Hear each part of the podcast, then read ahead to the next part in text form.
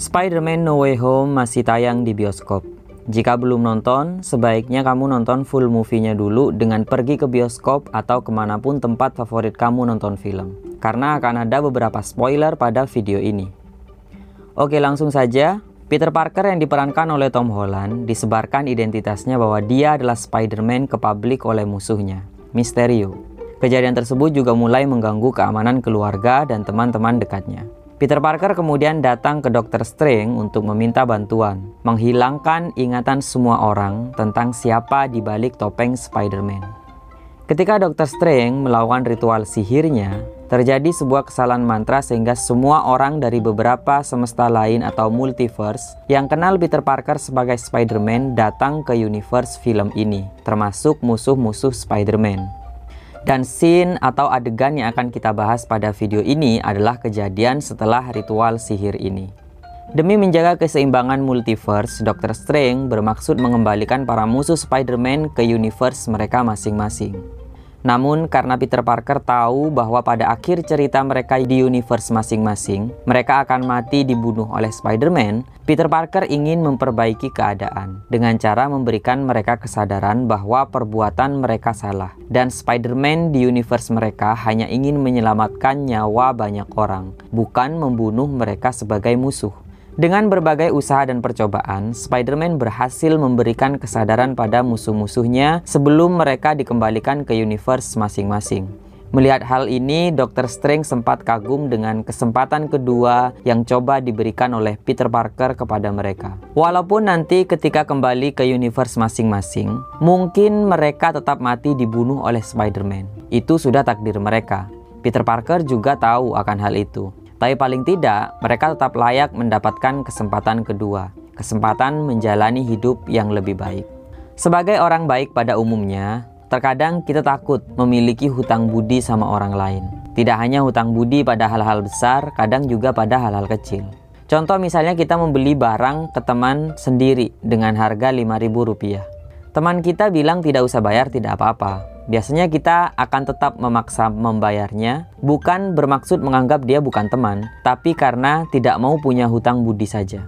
Padahal perihal uang Rp5.000 ini, diterima atau tidak, mungkin juga tidak ada pengaruh signifikan pada finansial hidup masing-masing. Tapi dengan tetap membayarnya, mungkin tindakan ini bisa menjadi kesempatan kecil untuk usaha jualannya menjadi lebih baik ke depannya. Karena kebetulan saya memiliki beberapa kursus online yang saya jual via website. Walaupun sedang tidak ada informasi ada diskon, kadang ada saja beberapa orang yang minta diskon. Beberapa waktu lalu, ada orang yang ingin mendaftar tiga kursus, tapi dia mampu membayar dua kursus saja. Saya iakan saja dan langsung saya proses. Menurut saya itu adalah salah satu bentuk memberikan kesempatan kedua saya kepada orang lain. Saya yakin orang-orang yang bergabung di kursus online saya ingin kehidupan yang lebih baik secara akademis, karir, dan bagian hidup lainnya. Tapi apakah dengan tambahan satu kursus gratis dari saya ini, hidupnya akan pasti lebih baik? E, jawabannya adalah belum tentu. Ada banyak sekali faktor untuk sampai ke tujuan, untuk menjadi orang yang sukses. Belajar coding adalah salah satu dari sekian banyak faktor lainnya untuk menjadi programmer yang hebat.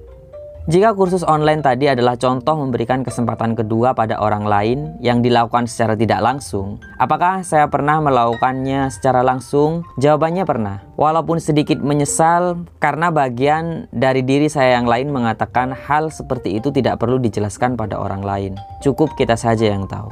Beberapa bulan yang lalu, saya baru saja membeli laptop baru untuk kerja. Saya tidak merencanakan apa pun tentang apa yang akan saya lakukan dengan laptop saya yang lama. Suatu hari teman saya main ke rumah. Teman saya cerita dia baru saja diberhentikan dari percetakan tempat dia bekerja. Dia merasa jika dia memiliki laptop sendiri, mungkin dia bisa melakukan sesuatu yang lain di rumahnya untuk menghadapi masa-masa sulit ini. Saya mengambil laptop lama saya di kamar, saya memberikan kepadanya, kemudian saya bilang kurang lebih seperti ini. Ini laptop buat kamu, pakai saja, mungkin bisa membantu menyalurkan ide-ide kamu. Tapi jika tiba-tiba di tengah jalan kamu merasa ingin menyalurkan ide lain yang tidak perlu menggunakan laptop, misalnya mau buka cuci motor, tidak masalah dan lakukan saja. Tidak perlu merasa bersalah, laptop ini jadikan opsi yang lain saja. Ketika mengatakan hal tersebut, saya menyesal karena merasa menggurui teman saya sendiri. Padahal dia juga tidak minta masukan dari saya. Memberikan laptop ini adalah ide saya sendiri, bukan dia yang minta. Tapi hal lain yang juga saya rasakan adalah saya merasa lega karena memang itu yang ingin saya katakan kepadanya. Saya pikir bahwa kita semua pasti pernah mendapatkan kesempatan kedua dari orang lain yang jarang kita sadari. Jadi mungkin tidak ada salahnya sesekali kita lakukan hal yang sama kepada orang lain juga, memberikan kesempatan kedua, tanpa menuntut mereka harus berhasil dengan kesempatan ini, atau bahkan tanpa menuntut mereka harus menggunakan kesempatan yang kita berikan, karena kesempatan kedua seharusnya menjadi pilihan lain, bukan menjadi beban hidup baru untuk orang lain. Pada proyek video klip ini, sebenarnya saya tidak ingin melakukan promo apa pun atau menyisipkan jualan saya. Tapi jika harus selalu menarik benang-benang pengalaman saya yang lain, kadang benangnya terasa terlalu panjang dan rumit, karena mungkin pengalaman tersebut tidak dekat dengan yang saya lakukan sehari-hari. Jika kamu suka video ini, kamu bisa mendukungnya dengan cara like, komen, share video ini ke teman-teman kamu, dan jangan lupa subscribe channel YouTube Laside Indonesia. Saya Irsa dari Lasde, sampai ketemu di cerita selanjutnya.